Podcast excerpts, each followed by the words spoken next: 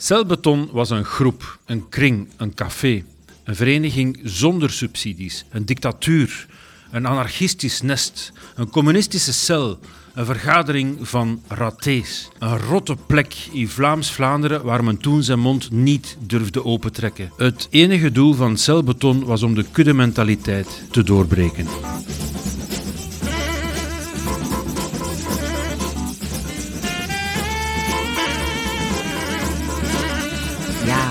Celbeton. Een mythische plek in Dendermonde. Een klein café waar grote namen kwamen. Vanaf 1957 en dat 15 jaar lang. En toch weten we er nog amper iets van. In deze podcast ga ik op zoek naar de overblijfselen van die avant-garde kunstkring. Wie kwam daar? Wat deden ze daar? En waarom gebeurde dat allemaal in die streek? Ik ben Tine de Donder, onafhankelijk podcastmaker. Ik hou van jazz en literatuur en ik ben heel erg benieuwd naar die underground kunstkring van zo'n 60 jaar geleden, waar ik tot voor kort nog nooit van gehoord had. In drie afleveringen neem ik u mee naar Celbeton en gaan we samen op zoek naar wat er daar gebeurde, op vlak van muziek, literatuur en beeldende kunst. Ga je mee?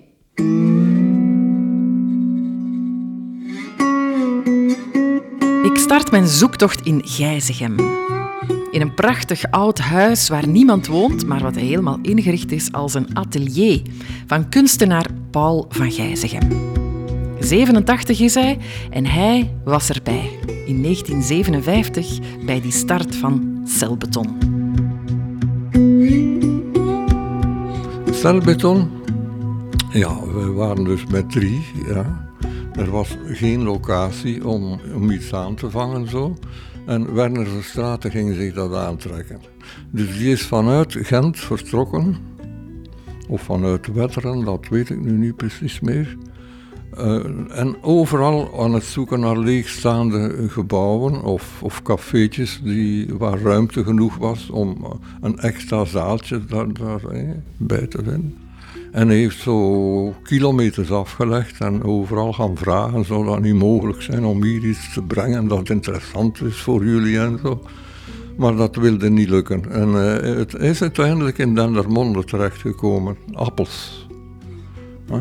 En daar was een, um, ja, aan de Grote Steenweg, zo vlak voor je binnenkomt in Dendermonde, een leegstaand café dat eigenlijk niet meer goed marcheerde. Omdat daar op die plaats juist een nieuwe brug moest, moest komen. Dus dat huis moest hoe dan ook afgebroken worden.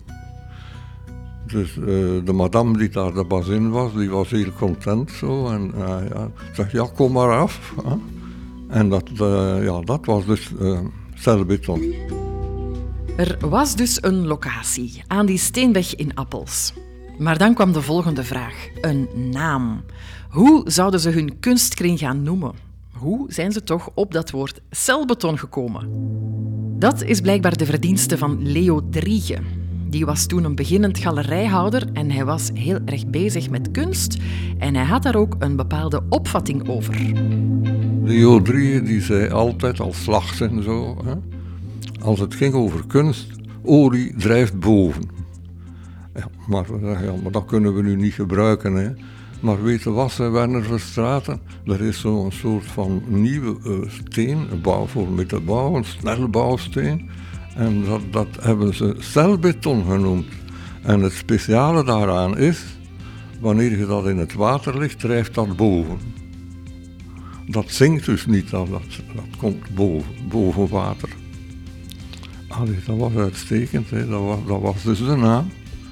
Het, klonk goed, ook celbeton. Er zat daar een heel veel associatie aan, kwam daar aan te pas van gegevens. Je kunt daar ja, zelf mee wakker worden en denken, oh ja, dat... Iedereen vond dat toch wel een, een, een mooie naam. Er was nu een naam en een locatie, nu alleen nog een programma. Celbeton zou gaan voor tentoonstellingen, lezingen, theater- en muziekoptredens. En over die laatste gaan we het hebben in deze podcast. Welke muziek klonk in Celbeton en wie waren de artiesten die daar zo kwamen spelen? Ja, jazzmuzikanten natuurlijk, maar wat mij vooral verraste, min of meer, dat, was dat daar ook wel wat meer bekendere namen tussen zaten. Hè. Die, die, die free jazz muzikanten, dat is... Ja, de, de, de ingewijden kennen die, maar, maar buiten die groep zijn dat namen die eigenlijk weinig mensen iets zeggen. Maar het allereerste concert dat daar gegeven werd, was Verre Grignard. Oh, don't cry, my baby, don't cry all the while. Verre moet dan al heel populair geweest zijn. Hij was de huistroubadour van de Muze, dat uh, café in Antwerpen dat nu nog altijd bestaat. Hij had al zijn eerste hits gehad, denk ik, met uh, Ring Ring I've Got To Sing. En dat kwam hij hier ook doen.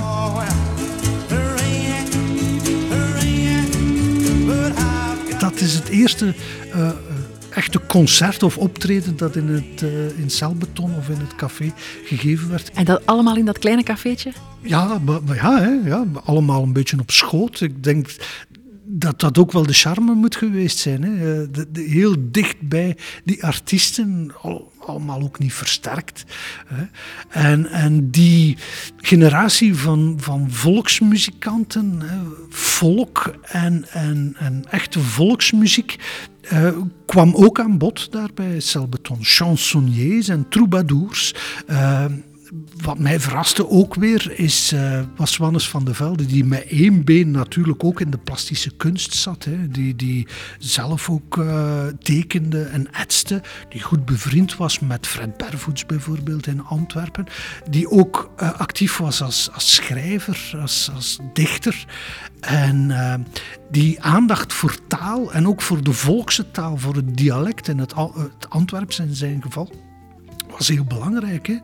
Uh, en, en, en had ook wel iets avant-gardistisch op, op zijn manier. Hè? Dus Wannes van de Velde mocht daar niet ontbreken. En dan natuurlijk zijn West-Vlaamse tegenhanger was daar ook. Willem Vermanderen heeft daar ook opgetreden. En naast een aantal meer lokale uh, chansonniers was dat ook een soort muziek die daar geregeld te horen was. Je hoorde muziekkenner Frederik Goossers. Hij geeft les over jazz aan het Conservatorium van Gent en aan de Academie van Dendermonde. De ideale man dus om ons in deze aflevering over muziek bij de hand te nemen. En aangezien hij de streek kent, kent hij ook een aantal plaatselijke artiesten die actief waren in celbeton. Waaronder de man die we al hoorden aan het begin van deze podcast, Paul van Gijzegem kunstenaar uit Berlaren. En een man die Frederik Goossens natuurlijk ook goed kent. Als ik me niet vergis, was uh, een werk van Paul van Gijsgem uh, een van de eerste dingen die in celbeton geëxposeerd zijn. Die, daar is een verhaal over hoe dat met de fiets uh, vanuit het atelier van, van Paul van Gijsgem uh, naar hier gebracht werd om, om voor het eerst getoond te worden. maar Paul van Gijsgem is niet alleen een plastisch kunstenaar en je, je kan ook werk van hem zien hier op de retrospectieve in zaal 60 in de bibliotheek. Maar hij is ook muzikant. Een autodidact. Hij speelt contrabas, maar hij, hij doet dat puur, zouden de ene zeggen. Uh, als een echte amateur, zouden de anderen zeggen. Hij kan dus geen muziek. Hij, hij speelt wat hij voelt. Hij laat de creativiteit letterlijk opborrelen en ongeremd door enige voorschriften van hoe je precies moet spelen of wat de regels van goede muziek zouden kunnen zijn, speelt hij. En uh, dat doet hij, heeft hij een aantal keer gedaan, hier ook in, in Celbeton, in zogenaamde free jazz concerten. Uh, uh, vrije improvisatie waarbij muzikanten een dialoog aangaan zonder dat ze op voorhand weten waar die dialoog precies over gaat. Dat is een gesprek die ze aangaan. En, en soms kan dat klinken, soms kan het eens botsen, maar vaak is het, is het wel boeiend. Soms is het ook wel eens vervelend, maar ja, zo is dat in het dagelijks leven ook. Oké, okay, terug naar Gijzegem dan. Paul, kan je zo eens een stukje spelen hoe het toen klonk in celbeton? Ah, wacht, dan moet ik zo... Ah,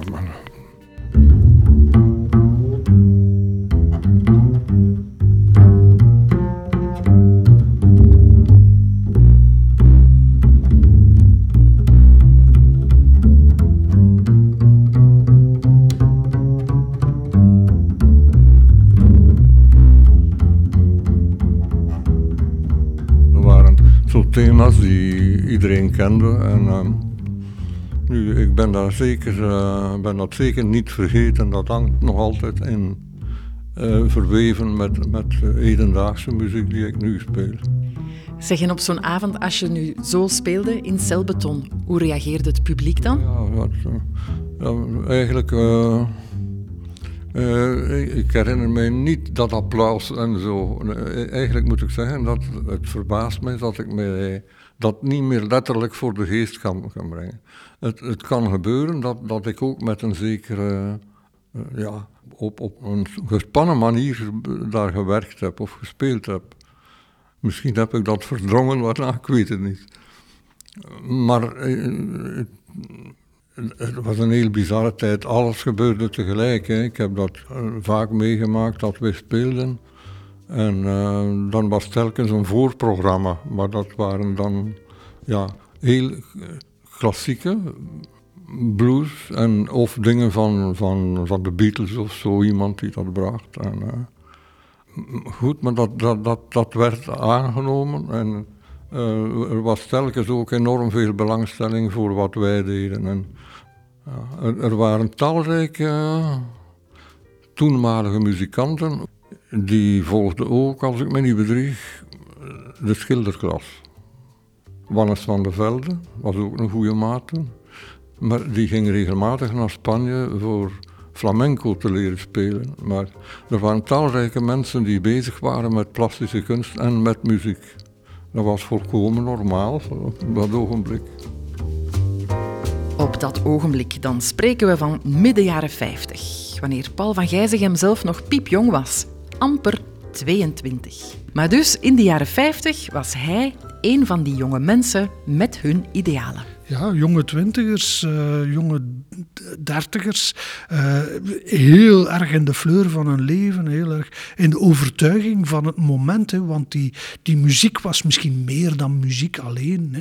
Dat was echt een, een, een artistiek statement, misschien zelfs ook een, een sociaal statement. We, zitten, we naderen die, die woelige jaren van mei 68, hè, van dat anti-establishment die kunsten die van onderaan naar boven kwamen borrelen en, en alles wat ancien, en oud en oudbollig was, moesten wegspoelen. En daar ging het misschien ook wel voor een stukje om bij Paul en, en uh, collega's.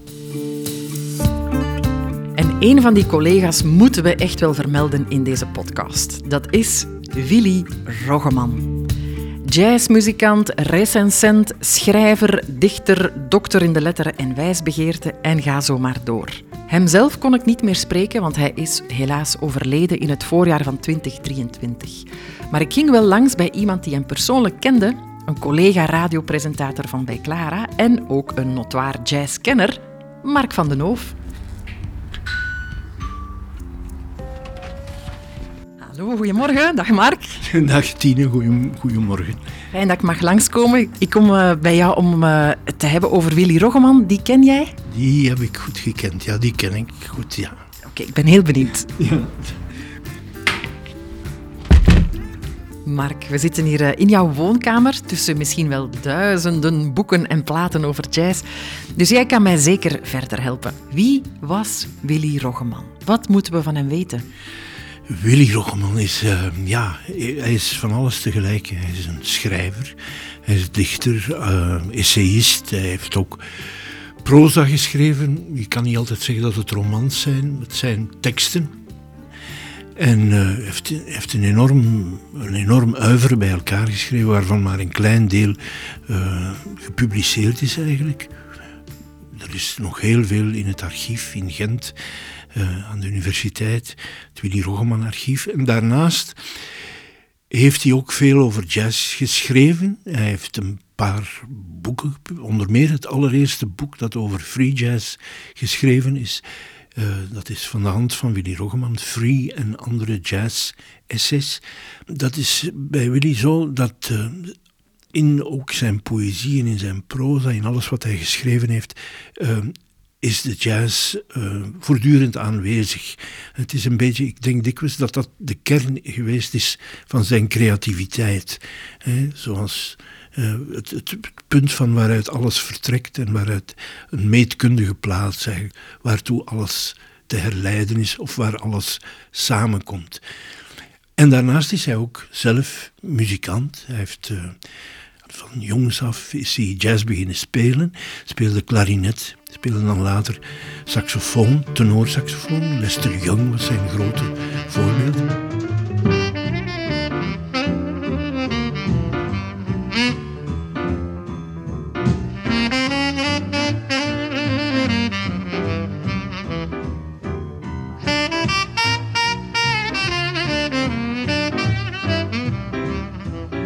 Hij speelde jazz. En hij is dan op een bepaald ogenblik, hij speelde met een andere Nino Vieter, met Staf de Mol. Dat was een pianist, hè, Nino. En ze speelden een soort uh, bob, denk ik, hard bob. Maar dan is hij later free jazz beginnen spelen. En uh, ja, dan bij die groep ben ik, het Jazz Lab, daar ben ik dan op den duur bij terechtgekomen. En hoe was, het, hoe was dat voor jou om samen met uh, Willy Roggeman te spelen? Hij, was heel inspirerend, ook met alles wat hij deed. En ik denk, hij heeft voor mij ook veel dingen uh, geopend, als je wil, ook literair en zo. Ik heb veel van hem geleerd en hij was, hij was erg... Hij, hij kon anderen aanzetten tot creativiteit en dat merk ik ook bij mijn, uh, bij mijn vroegere compagnons. En er bestaat een opname uit 1972 hadden we een repetitie. We dachten, ja, we gaan er nog eens van profiteren om, om te spelen. En, uh, en jaren later bleek die opname eigenlijk wel goed gemaakt. En dat was een improvisatie van, ik denk, een 40 minuten of wat, zonder thema, zonder wat. En, uh, en dan is, heeft het, het balanceer dat uitgebracht op een plaats. Ze hebben ook een album uitgebracht waarop Willy solo speelt. Uh, sopraansaxofoon. Maar in de groep zelf speelde hij ook klarinet en uh, blokfluit op een zeer bizarre manier op dat moment. Blokfluit, jazz spelen op blokfluit. Maar ik hoorde onlangs een blokfluitkwartet dat stukje speelde van Charlie Parker. Ik denk dat het op, op Clara was. Hè. En dat was wat Willy improviseerde, dat soort dingen met allerlei vreemde geluiden die, die je normaal niet verwacht uit een blokfluit eh, met growls en, en trillers en weet ik veel wat. En bizarre dingen. Hij speelde soms zo'n beetje zoals Roland Kirk, die speelde ook die speelde drie saxofoons tegelijk en dan speelde hij met zijn neus nog fluit ook. En ik denk dat ik Willy wel eens zien uh, de blokfluit via, uh, via de neus. Ja? ja? dat hij met zijn neus, ik denk het, hè. Uh, maar dat deed hij, ja, dat was formidabel eigenlijk. En, en dan hoor je dat nu en dan denk je, ja, solo voor blokfluit van uh, Stravinsky. Dat is eigenlijk wat, wat Willy uit zijn mouw schudde, als het ware. Maar hij oefende daar wel veel op, denk ik. Hij was daar veel mee bezig. hè. En uh, hij had een heel arsenaal aan effecten dat hij kon, die hij kon gebruiken. Want als ik die plaat beluister, dan... Uh, of als ik dat aan iemand laat luisteren, laat horen, dan zeg ik altijd, ja, de brave saxofonist, want ik speelde alleen sopraan. De brave saxofonist, dat, ben ik. En de, de agressieve, dat is Willy. Hè, want we hebben hetzelfde instrument. Maar dat was wel heel, heel plezierig samen en uh, inspirerend. En soms ging het ook niet hoor, kwam het niet van de grond. Maar soms waren we in de zevende hemel, hè, dat je kon vergeten wat je aan het doen was. En dat, je, dat alles vanzelf ging en dat je dacht, oeh, nu hebben we het. Maar dan de keer daarna lukte dat niet meer. En dat was misschien ook, als ik die opname, we hadden een jaar elkaar niet gezien. Ik had ook een jaar geen saxofoon gespeeld, alleen dwarsfluit. En dat was ja, een magisch moment. En dat gebeurde, maar dat gebeurde niet altijd. En wat ik al verteld heb, dus dat Willy ook graag zich fysiek helemaal uh, daarin gooide. En dan zeer opgetogen kon zijn over het feit dat hij uitgeput was van te spelen. En dat vond hij geweldig. Kunnen we misschien eens luisteren naar zo een van die opnames? Heb je zoiets bij de hand? Ja, ik, ik,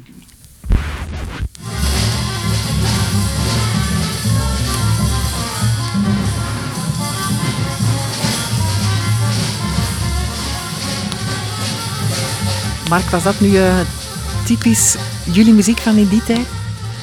Ja, er waren ook. Dit was echt improvisatie, dus er waren geen afspraken, er was ook geen thema of zo. We vonden elkaar gewoon. Eh, het was een soort terugvinden van uh, onze samenhorigheid, als je wil. Maar we hadden ook wel thema's. Bijvoorbeeld speelden we een, een thema van Willy, dat heette Bullshit Number One. Hè? dat was nogal heftig. Hè? En uh, ja, dat was wel een thema. Uh, en, en, dit vond je niet nogal heftig? Nee, nee, dit was kankes. Ja, ja. Later op die plaat gaat het er veel heviger aan toe. Action music noemt hij het hier. Zoals action painting.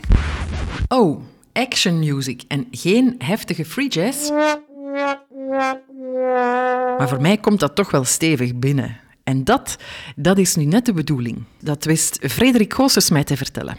Vergelijk dat soort van avant-garde muziek of, of, of vrije improvisatiemuziek. Eh, dat zijn voor mij als oorstokjes. Als je te veel van hetzelfde hoort, op de duur geraken je oren verstopt en, en, weet je niet meer precies wat er is om te luisteren. En af en toe moet je eens iets horen waarbij je echt totaal al je verwachtingen over wat er gaat komen worden gebruskeerd. Dat, dat je echt niet meer weet van waar, waar is hier nu die plattegrond op die muziek. En dan moet je alles eens laten gaan en, en gewoon u onderdompelen in geluiden en, en communicatie tussen muzikanten en proberen deelachtig te worden van die communicatie. En dat is iets wat voor mij altijd heel verfrissend is. Dat is, dat is eventjes die oren uitkuisen. De, de koude douche soms, of de heel erg warme douche, waarna je achteraf echt zo ah, terug gerevitaliseerd, terug als herboren uh, verder kan. Dat klinkt heerlijk. Frederik, het is mij duidelijk, Willy Roggeman is een belangrijk man voor celbeton geweest. En zijn invloed, heb ik dat niet goed begrepen, leeft ook vandaag nog door? Ja, ja. bijna wekelijks kan je die invloed min of meer voelen, hoewel het is onrechtstreeks. Hè. Uh, Willy Roggeman was de leraar van Bert Heuvink. En uh, Heuvink uh, en de Heuvinken, want dat waren vele broers die ooit wel eens op het paard hadden moeten zitten, maar dat is weer een heel ander verhaal. Uh, die, die waren gek van muziek en via Roggeman uh, zijn ze op het spoor gekomen van jazzmuziek. En uh, ze waren vooral verliefd geworden op de oude jazzmuziek, de muziek van New Orleans.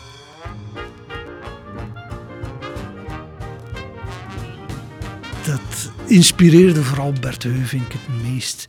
En die uh, stichten een band uh, die elke Dendermondenaar kent en met veel liefde aan terugdenkt. Dat is de Jackpap. Een Jackpap. Een Jackpap, dat was een anagram van alle leden, de eerste leden van die band. En iedereen van Dendermonde kent die, maar ook ver daarbuiten kent iedereen de Jackpap. Dat is een van de meest populaire jazzgroepjes van de jaren 60 en 70 gebleken. Die gaven een van hun allereerste concerten op uitnodiging van Willy Roggeman in Celbeton in 1965. En als je nu nog spreekt met die uh, stichtende leden van Jackpop, dan herinneren ze zich dat nog heel erg goed. Dat moet een heel magisch moment geweest zijn om in dat, uh, dat café daar of in, in die club binnen te mogen komen en daar te spelen. Maar ze hadden ook natuurlijk een eigen club. Eh, de, de Heuvinken woonde aan de Leopold II-laan, nu de Leopoldlaan. En achter een huis waren de oude bunkers. En in een van die pijpen van de bunkers begonnen ze een jazzclub uh, op, in elkaar te boksen. Dat is de Honky Tonk geworden. En uh, daar hebben ze hun liefde voor de oude stijl jazz, voor New Orleans jazz, helemaal kunnen botvieren. En het is die traditie die nu nog altijd heel erg leeft. En dat is onrechtstreeks wel een beetje dankzij Willy Rogeman. Frederik Goossens. We zijn in deze aflevering diep in de muziek gedoken van celbeton. Maar kan jij nog eens samenvatten in een paar zinnen? Wat moeten we er nu van onthouden? Celbeton op vlak van muziek. Muziek was altijd een beetje in de periferie van celbeton, maar ze hadden wel de vinger aan de pols. We associëren celbeton met vrije improvisatie en free jazz. En dat was er ook op nationaal gebied en ook grote internationale namen die langskwamen. Maar er was ook plaats voor ja, het nieuwe chanson. Muziek met een boodschap. Muziek in de Nederlandse taal verschillende dialecten, die meer was dan de pure smartlap. muziek met teksten die zelfs een klein beetje literatuur werden. Dichtkunst. Denk aan mensen als Wannes van de Velde of Willem Vermanderen, die daar ook een plaats kregen. En ik denk wat de beide met elkaar verbindt, dat is die waardering voor creativiteit. En, en die zoektocht naar je eigen stem binnen die steeds veranderende wereld waarin celbeton zich bevond. Oké, dankjewel Frederik Goossens. Graag gedaan. Je luisterde naar de podcast van Celbeton. Research, interviews en montage waren in handen van mezelf, Tine de Donder. De muziek kwam van Joey McPhee, Ferre Grignard, Lester Young, Willy Roggeman en de Jack Pep Jazz Band. Deze podcast werd gemaakt in opdracht van Dijk 92 in samenwerking met het Stadsmuseum van Dendermonde, naar aanleiding van het regionale project Celbeton in mei, juni en juli 2023 in Dendermonde. Hoor je dit op tijd? Bezoek dan zeker de expo. En wil je meer tips over cultuur in onze regio? Dan vind je het dichterbij dan je denkt. Ga naar dijk92.be en abonneer je op onze nieuwsbrief.